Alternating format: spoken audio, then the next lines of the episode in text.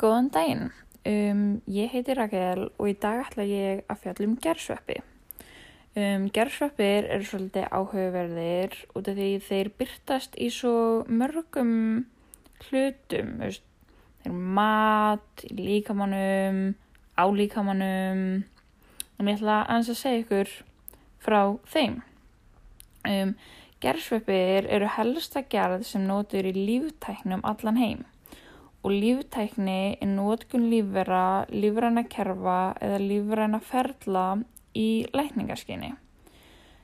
Um, gerstærðir eru mjög mismunandi eftir tegundum og umhverfi og mælast yfirleitt 3-4 um í þvermáli þó sumar ger, gerðir geta orðið alltaf 40 um að stærð.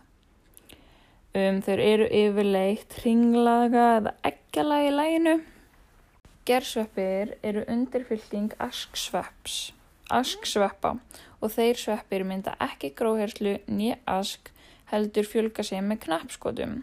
Og knappskot er svona þegar móðufruman myndar einhvers konar bólu utan á frumunni og kjarni móðufrumuna skipti sér og annar helmingurinn fyrir útskotið en hinn er ánfram í móðufrumunni. Og eftir smá tíma þá dettur bólan af og þá er búið myndast nýr gersvöpur. Gersvöpur þarnast lífræna næringarefna, auk ákveðna vaksta þáttar eins og söllt og vítamin og sigur er aðal orgu gafi gerjandi sveppa. Svo að sveppunum líði sem best um, þurfa að hafa nógu vatni. Þeir þóla ekki vel þurrk og allavega ekki eins vel og miklu sveppir þóla þurrk en þeir þóla þurrk betur um bakterjur. Sveppir vaksa best um, á síðurstíkspilinu pH 4 til 4,5 en almennt á milli pH 3 til 7,5 og þeir þóla yfirleitt mjög illa basís umhverfi. Um, þeir vaksa almennt best við 20 gráður Celsius til 30 gráður Celsius og hámarkið er, er 35 til 47 gráður Celsius. Um, sveppinir hafa bæðkosta og galla og kostir gerðsveppa eru þeir að sveppirnir geta breytt sigri í alkohól og koltvíldíl með gerjun. Nokkra tegundir innar ættkvíslarannar ge gera eru nýttar til matagerðar eins og brauð, ediks og osta og við framlust á áfengum drikkjum eins og bjór og víni.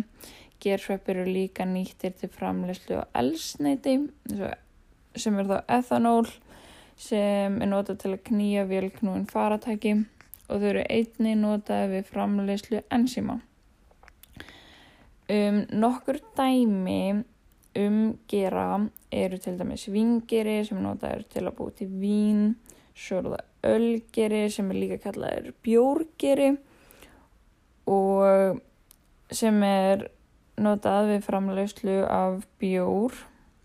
Um, við bjórgerð er langa oftast notað spírað, bygg eða malt þar sem enzím byggkornsins er byrjað að umbreyta mjölva í þrúsikur.